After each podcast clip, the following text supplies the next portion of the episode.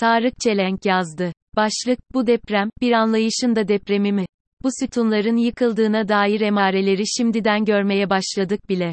5 Şubat 2023 tarihinde ülkemizdeki kutuplaşmadan ve ortak aidiyetimizin sorunlarından bahsetmekteydik. Ülkenin dış düşmanları özellikle Yunanistan'da konuşlanan ABD tehdidi veya güneyimizde sınır operasyonları beklentisi gündemdeydi. Bu kadar dış düşmanlar ve iç muhalefetin zafiyeti varken, mahalle, iktidarın yanlışlarını anlatmanın anlamsızlığına dikkat çekmekteydi.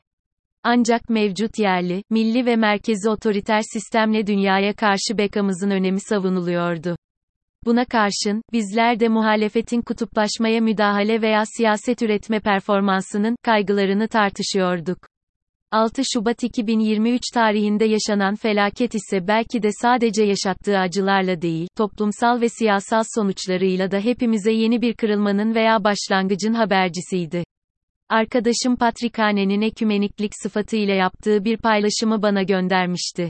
Paylaşım, Patriğin pazar akşamı ayinlerinde depremzedeler için toplu duaya pederan baba şefkati bir sevgiyle davet edilmesi metinleri üzerineydi. Arkadaşım bana bu paylaşımı gönderirken şu eknotu da göndermişti. Sen hiç pederan sevgiyle, cemaatine hitap eden bir Müslüman din adamı gördün mü abi?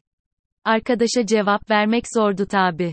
Peygamber A. S. özellikle veda hutbesinde hep ey insanlar diye hitap etmesine rağmen ne yazık ki camilerde pek insanlık için toplu dua edilmesi oldukça özel bir durumdu.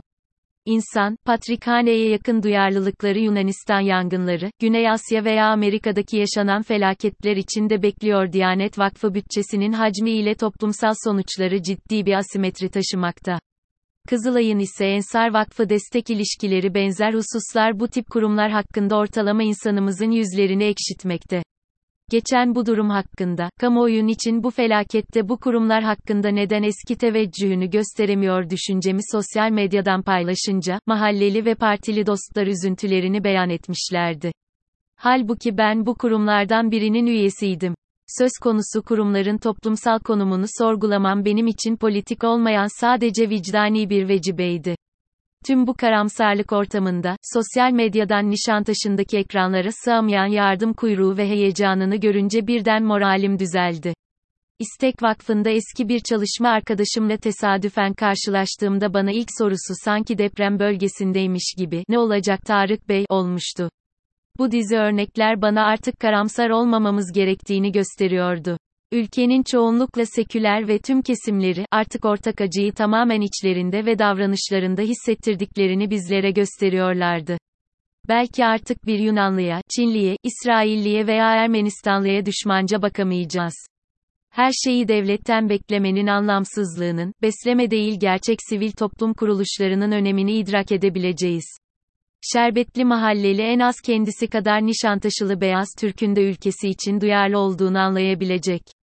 Belki de mevcut Türk tipi yerli ve milli cumhurbaşkanlığı yönetim sisteminin depremde de işleyemediğini bir kısım mahallenin idrak edebildiğine şahit olabileceğiz. Yaratılışta her son adeta yeni bir başlangıca neden olmakta.